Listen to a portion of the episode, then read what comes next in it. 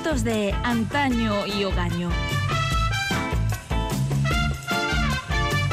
Un espacio sobre historias de la moda, reflexiones costumbristas y momentos de inadvertida felicidad. Adereza Edurne.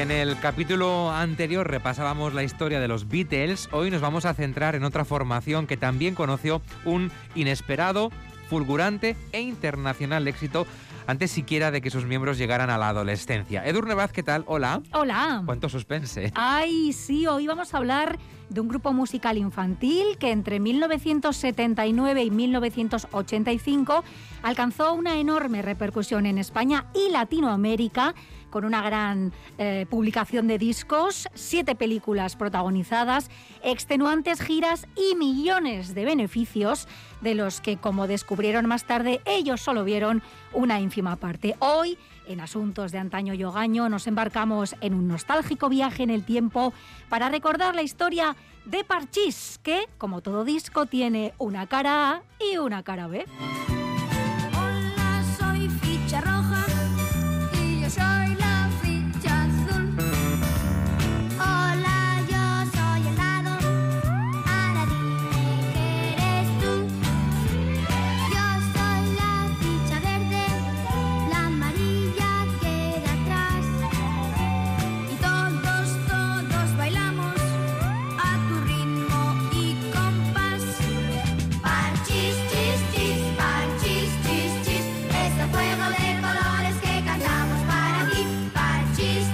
Pues sí, la historia de Parchís, como la de otros muchos grupos musicales fabricados para la ocasión por la discográfica de turno, arrancó de una forma muy curiosa, con un anuncio publicado en prensa. Exactamente, en 1979 la discográfica Belter de Barcelona decidió aprovechar la senda que artistas como Enrique Llana habían empezado ya a abrir en España en el terreno de la música, no ya solo destinada a un público infantil como podría ser la de Torre Bruno, sino ya interpretada por los propios niños. Con la idea de explotar las posibilidades de negocio que aquello parecía ofrecer, publicó un anuncio en diversos periódicos locales con la idea de formar un grupo musical con dos niños y dos niñas que lucieran cada uno el color de una de las fichas del parchís. ¿Y quiénes eh, salieron elegidos? Entiendo que de un casting que se hizo. Sí, bueno, directamente de ese casting o de esos anuncios en prensa salió Gema Prat, de 11 años, que fue elegida y se le asignó la ficha verde. La ficha amarilla se le asignó en este caso a Yolanda Ventura, de 11 años, que era la hija de Rudy Ventura, artista vinculado a esta discográfica, junto al que ella además ya había hecho sus primeros pinitos ¿no? como cantante. Tino Fernández, de 12 años, se hizo con la ficha roja, fue descubierto en su propio colegio y se cuenta que impactó a los responsables del casting porque no solo cantaba bien, sino que fue capaz de cantar al mismo tiempo que hacía el pino y con esto ya pues les conquistó, ¿no? La ficha azul le fue asignada a Óscar Ferrer, de 8 años, que era literalmente un niño de anuncio porque era una monada y había hecho publicidad antes. Pero había un quinto. Había, había, porque no estaba previsto. Ellos pensaban usar, bueno, pues esa formación de colores, dos ¿no? niños y dos niñas, pero claro, se encontraron con David Muñoz, de nueve años, al que eligieron porque tenía muchísima soltura bailando y era muy gracioso y muy mono, y dijeron, bueno, pues ante la falta de más fichas, le vamos a asignar el puesto de dado y le vamos a poner el color blanco, ¿no? Y la idea de la discográfica era simplemente publicar un único disco que llevó por título las 25 supercanciones de los Peques y salió al mercado de cara a las Navidades de 1979, bueno, pues con idea de hacer ahí ese negociete navideño. Pero el éxito fue tan grande que el fenómeno creció hasta niveles no previstos por ninguno de los protagonistas de esta historia.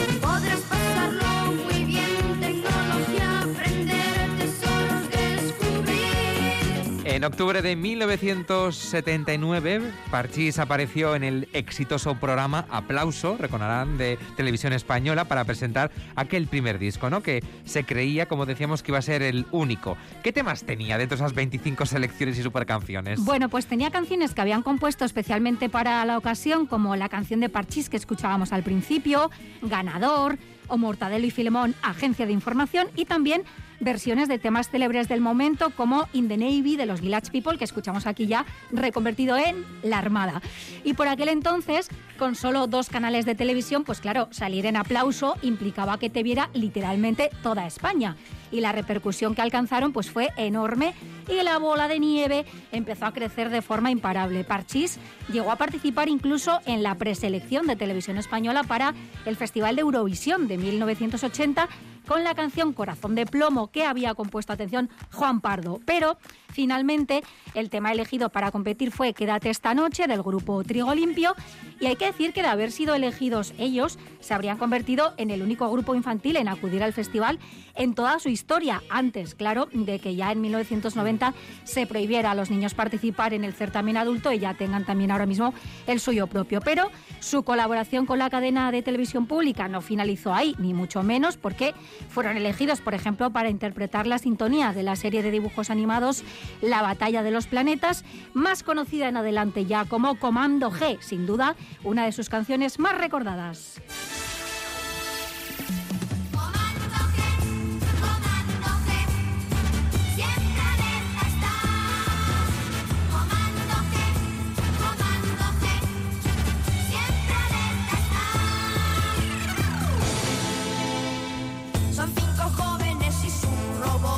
Un auténtico viaje a la infancia de muchas Sí, personas. estamos ¿eh? pulsando la tecla de algunos, ¿eh? Sí, absolutamente. Bueno, todo ocurrió eh, muy rápido y como se ha sabido después de una manera un tanto irregular ¿no? en la trayectoria de Parchís. En diciembre de 1980 estrenaron la primera de las siete películas que mencionaba Edurne que acabarían protagonizando, ¿no? La Guerra de los Niños. Esa fama de la que estamos hablando eh, también fue más allá eh, de las fronteras españolas, cruzó el charco. Lo hizo, vaya si lo hizo. Comenzó entonces una sucesión de ediciones simultáneas de discos a uno y otro lado del Atlántico, hasta el punto de que ahora mismo no se sabe cuántos discos publicaron porque hay un guirigay ahí entre unos y otros.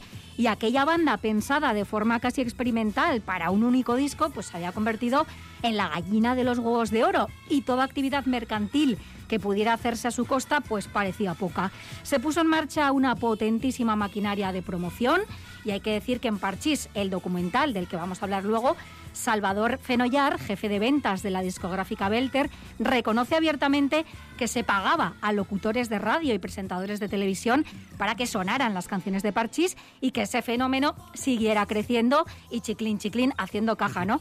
Habla de un flujo constante de regalos, llega incluso a mencionar un cheque de un millón de pesetas de la época que se entregó a un presentador de televisión cuyo nombre, pues oye, no se revela, ¿no? Y Hay puestos a hacer que no hay que apaños, resolver. no hay que que se queden en leyenda. te pone una serie de imágenes en el documental de varios presentadores y ya tú mismo, pues oye, elige al que te parezca, ¿no? Pero bueno, ya incluso hicieron apaños, pues como incluir en el estudio, un poco así de tapadillo, algunas voces de cantantes femeninas profesionales que pudieran suplir las carencias vocales que tenían sobre todo pues, los más pequeñitos del grupo, ¿no? Llegaron las giras de carácter internacional, con aclamadas y multitudinarias paradas en Perú, estaban allí como los Beatles. Y hay que decir que en Perú, en concreto, vendieron más que los Beatles. Colombia, Venezuela, Brasil, Ecuador, México, donde consiguieron llenar en varios conciertos el Estadio Azteca, uno de los mayores recintos deportivos del mundo, o Argentina, donde grabaron su segunda película, Los Parchís contra el Inventor Invisible, y donde rodarían también, no mucho después, otras dos películas más.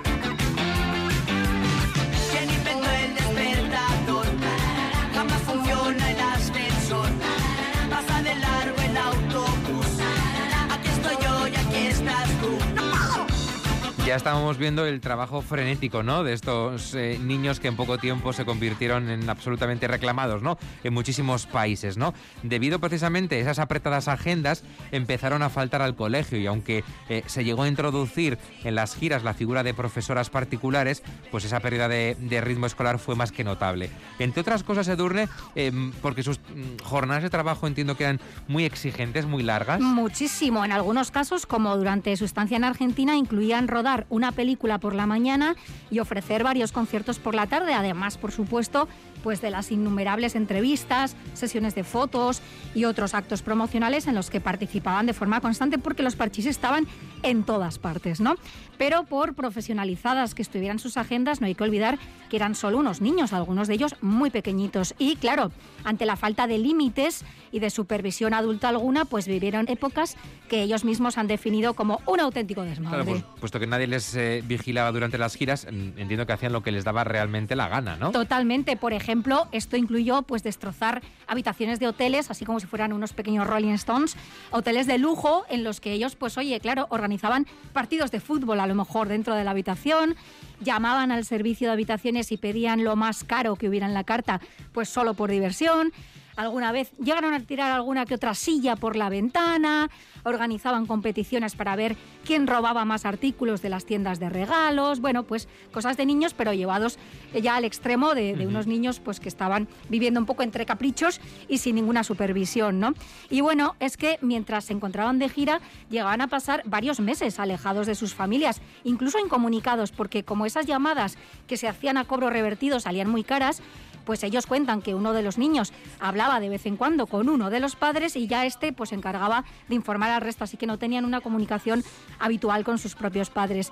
Ante esta situación de descontrol, Joaquín Oristrel, más tarde guionista y director de cine, además de primo de Yolanda, fue contratado como tutor de los niños para intentar supervisarlos ya durante las giras por el extranjero y reconducir un poco aquello. Bueno, sea como fuera, todos los padres no parecían que de alguna forma aceptaban la situación de buen grado. Sí, estaban un poco cegados por los focos, digamos, ¿no? La y fama, el también, dinero. claro, parece que se entregaron y disfrutaron gozosos de algunos de esos placeres, ¿no? Por ejemplo, cuando un empresario mexicano les invitó a sumarse a una de las giras y la vivieron a todo tren y con todos los gastos pagados, ¿no? La única que no lo veía claro era la madre de Oscar, la ficha azul, porque le preocupaba pues que esa vorágine fuera demasiado para los niños o bueno, en particular para su hijo, que además también daba puntuales muestras de agotamiento, mientras que los demás hay que decir parecían disfrutar de lo lindo, ¿no? Ella fue la única que exigió viajar siempre con ellos para poder supervisar personalmente el bienestar de su hijo, pero sus reservas no fueron, como supongo que sospecharéis, especialmente bien acogidas ni por la discográfica, por supuesto, ni entre el resto del padre, de los padres, porque bueno, se la acusó de ser una mujer problemática, de ser una tiquismiquis, de dañar al grupo, de intentar torpedear su éxito, vamos, que empezó a ser bastante molesta y se convirtió un poco en la Yoko Ono, digamos, de Parchís, ¿no? Solo por preocuparse de la Por educación de su hijo, que era ¿no? muy pequeñito, claro, es que eran muy pequeños algunos de ellos, ¿no? Y hay que decir que el tiempo, como veremos, acabó dándole la razón a Victoria, que así se llamaba esta madre, en muchas de sus sospechas, como por ejemplo la de que los niños no estaban recibiendo lo que en justicia les correspondía, ya para empezar en términos económicos. Asco es un soldado de plomo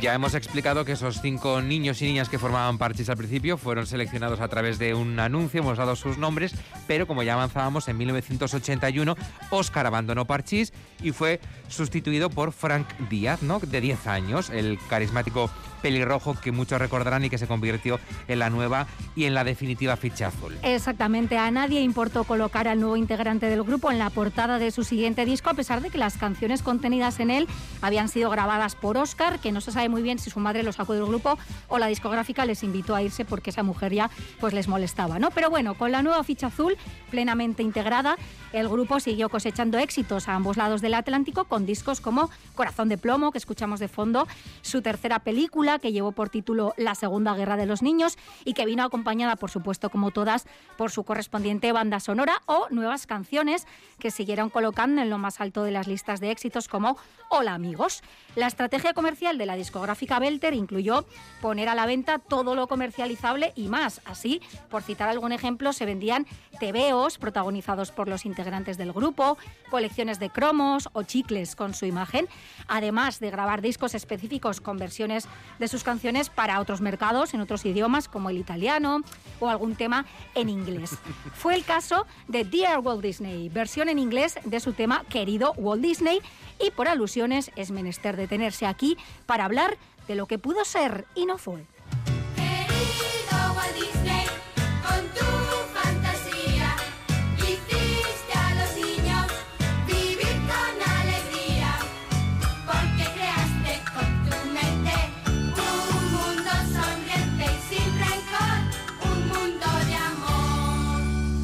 Hablemos pues de lo que pudo ser y no fue y vamos a situarnos en el año 1983 que además em, está considerado el año de inflexión de Parchís. ¿Por qué? Bueno, debido al éxito del grupo en España y sobre todo en Latinoamérica, se empezó a estudiar la posibilidad de que conquistaran también Estados Unidos. Disney, la compañía de juegos Parker y Atari hicieron una oferta que exigía, eso sí, que el grupo pasara un año entero en Estados Unidos aprendiendo inglés y formándose en canto y baile con la idea de profesionalizarlos al máximo. Y el plan se puso en marcha, tal y como se recoge en Parchís el documental, un poco a espaldas ¿no? de la discográfica que quedaba, eh, digamos, fuera del potencial pelotazo ¿no? que podía suponer eh, este Sí. negocio. Sí, si aquello prosperaba, pues la discográfica perdía en efecto el control absoluto y entonces Belter hizo un movimiento que desestabilizó para siempre al grupo y que supuso de facto pues el principio del fin, ¿no? Impulsó la carrera en solitario del líder indiscutible de Parchís, que era Tino, la ficha roja, y que por aquel entonces, claro, era ya un adolescente de 16 años que quería probar nuevos rumbos musicales, le tentaron con esto y a él pues le pareció maravilloso. Hay que decir que Tino siempre había sido el miembro más mimado por la discográfica, que era muy consciente del efecto que provocaba en sus fans, ganaba más dinero que los demás y siendo además el mayor del grupo, desarrolló, tal y como han contado sus compañeros y ha reconocido él mismo, una actitud un tanto despótica pues con sus compañeros, ¿no? Abandonó el grupo en 1983, arruinando con ello ese plan para conquistar Estados Unidos y convertirse en chicos y chicas Disney y para cuando rodaron su última película, Parchís entra en acción, ya no se hablaba con sus compañeros que consideraban su decisión pues alta traición, ¿no? Llegó a publicar tres discos en solitario, Tino, Síguela y Ríndete, pero no consiguió abrirse un hueco relevante en el mercado. Para colmo, al cumplir los 18, pues tuvo que interrumpir esa incipiente carrera musical en solitario para hacer la mili, La mili. porque claro, así era la cosa, ¿no? Y bueno, aquella aventura nos dejó temas que sonaban pues tal que así.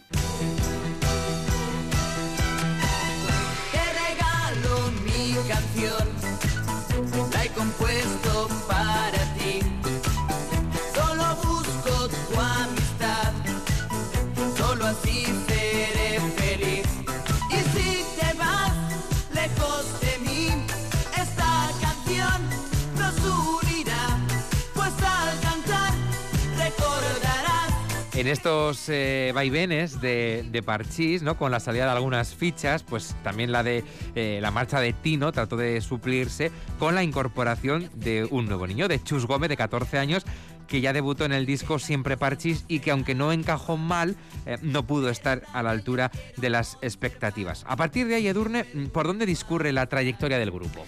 Bueno, la discográfica por su parte empezó a encadenar una serie de extrañas decisiones que incluyeron retirar su apoyo promocional al grupo y que a la larga pues acabaron derivando en el anuncio público de una suspensión de pagos que a la vista de los acontecimientos estuvo envuelta en razonables sospechas de fraude, ¿no? Parchís generó una verdadera fortuna, se estima que el grupo llegó a vender unos 14 millones de discos en todo el mundo, además por supuesto de las películas, de todos los productos de merchandising y demás, ¿no? Claro, si uno ya eh, empieza mm, a encajar los puzzles, decimos que 14 millones de discos vendidos, que son muchísimos, una locura, eh, películas, productos de merchandising y atención. Y los- estadios llenos. y estadios llenos. Y lo que decimos es que la empresa o la discográfica eh, se anunció en suspensión de pagos. Creo que la pregunta es evidente, ¿no? ¿A dónde ha ido a parar o a dónde fue a parar eh, todo ese dinero que recaudaron y que se hicieron millonarios con estos niños? Pues lo que empezaron a sospechar ya entonces las familias y supieron años después los propios integrantes del grupo era que desde luego a sus cuentas corrientes no. Todo el mundo sacó tajada, desde la discográfica a los productores cinematográficos, pasando por managers y representantes legales y bueno, todos menos ellos, porque por utilizar el apropiado símil del juego de mesa, ¿no? que les daba nombre, podemos decir que la discográfica les pagaba una y se embolsaba 20, ¿no? Bueno, pues para empezar, Belter era la legítima dueña del nombre, del concepto del grupo, de su imagen y, por supuesto, esta es la clave de los derechos de autor. ¿no? Ni siquiera contaron con un manager propio que velara por sus intereses porque les fue asignado uno que trabajaba para la propia discográfica. Y para colmo de males, cuando los padres, ya sospechando que estaban siendo estafados, contrataron a un abogado, pues este también acabó engañándoles. Y en todo caso, al haberse declarado la compañía de discos insolvente, se perdió ya la oportunidad de que recuperaran el dinero que en justicia les hubiera podido corresponder, ¿no? Y cobran, según ha contado Frank, unos simbólicos 700 euros al año de los 70.000 euros que el grupo se calcula que sigue generando anualmente. Bueno, ¿no? es la historia que les ocurre ¿no? a muchos juguetes rotos, ¿no? que Sí. se les explota, se hacen millonarios las empresas, las discográficas, las editoriales, cualquier eh, sector ¿no? en el que se mueven estas eh, personas. Y los, eh, los que dan la cara, digamos, ¿no? de los que se benefician, no ven ni un chavo, o- o, muy Exactamente, poquito, muy ¿no? Y esta es la, la historia de, de, de Parchís, ¿no? Em, de alguna forma, los niños y también los padres fueron víctimas de, de un engaño. Sí, pues por la pura ignorancia y el desconocimiento, ¿no? Pues al final no conocemos cómo funciona. Nadie está este preparado mundillo. para esto. Efectivamente.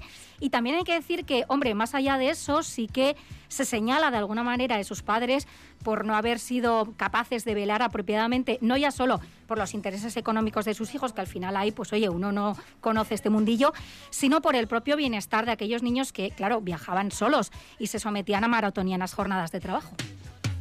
Thank you.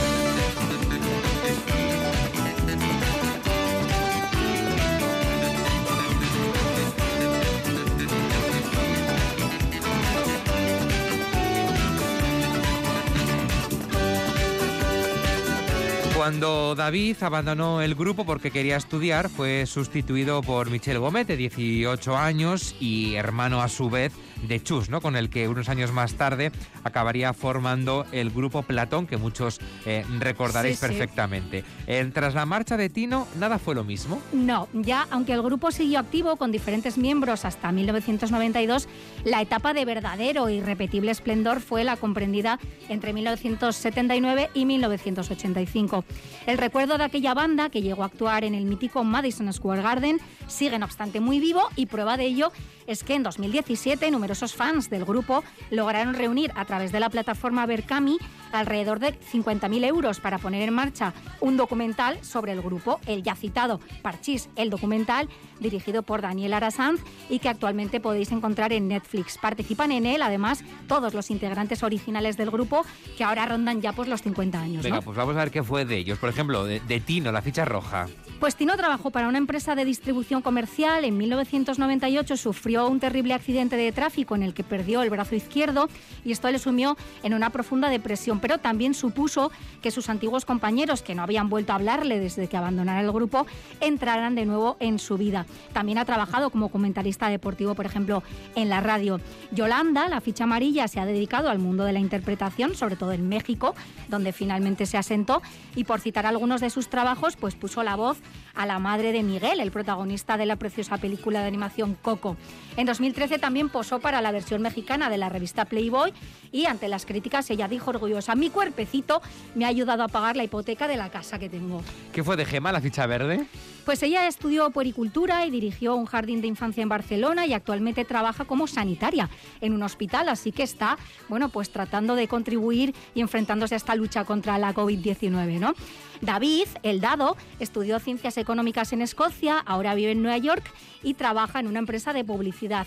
Oscar, la ficha azul original, se licenció en Ciencias Políticas y Ciencias de la Información y, sorprendente dato, desde 2014 es el director general del periódico La Vanguardia. ¿eh? me he quedado, vamos, pegado a la silla. Así y, es. y la sustituta ficha azul, Frank, el pelirrojo, pues siguió vinculado al mundo de la música y llegó a montar su propia banda de rock, que bueno, hay que decir que pasó sin pena ni gloria, y en la actualidad trabaja como fotógrafo. Todos dicen guardar, pese a todo lo contado, un grato recuerdo de aquellos años de locura en los que las vivencias propias de la adolescencia y unas cuantas más, pues quedaron reducidas a esa pequeña burbuja que era su mundo, ¿no?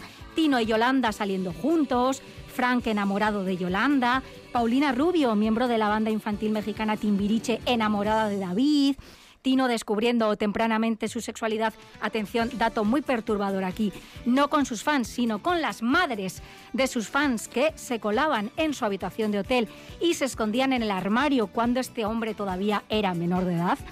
Y no parece, en todo caso, que en ninguno de ellos se cumpliera la maldición o el cliché del juguete roto, ¿no? Del niño artista que acaba fatal. Todos, con sus más y sus menos, siguieron con sus vidas con relativa normalidad y todos, en resumen, sobrevivieron a Parchís. Grandes y chicos,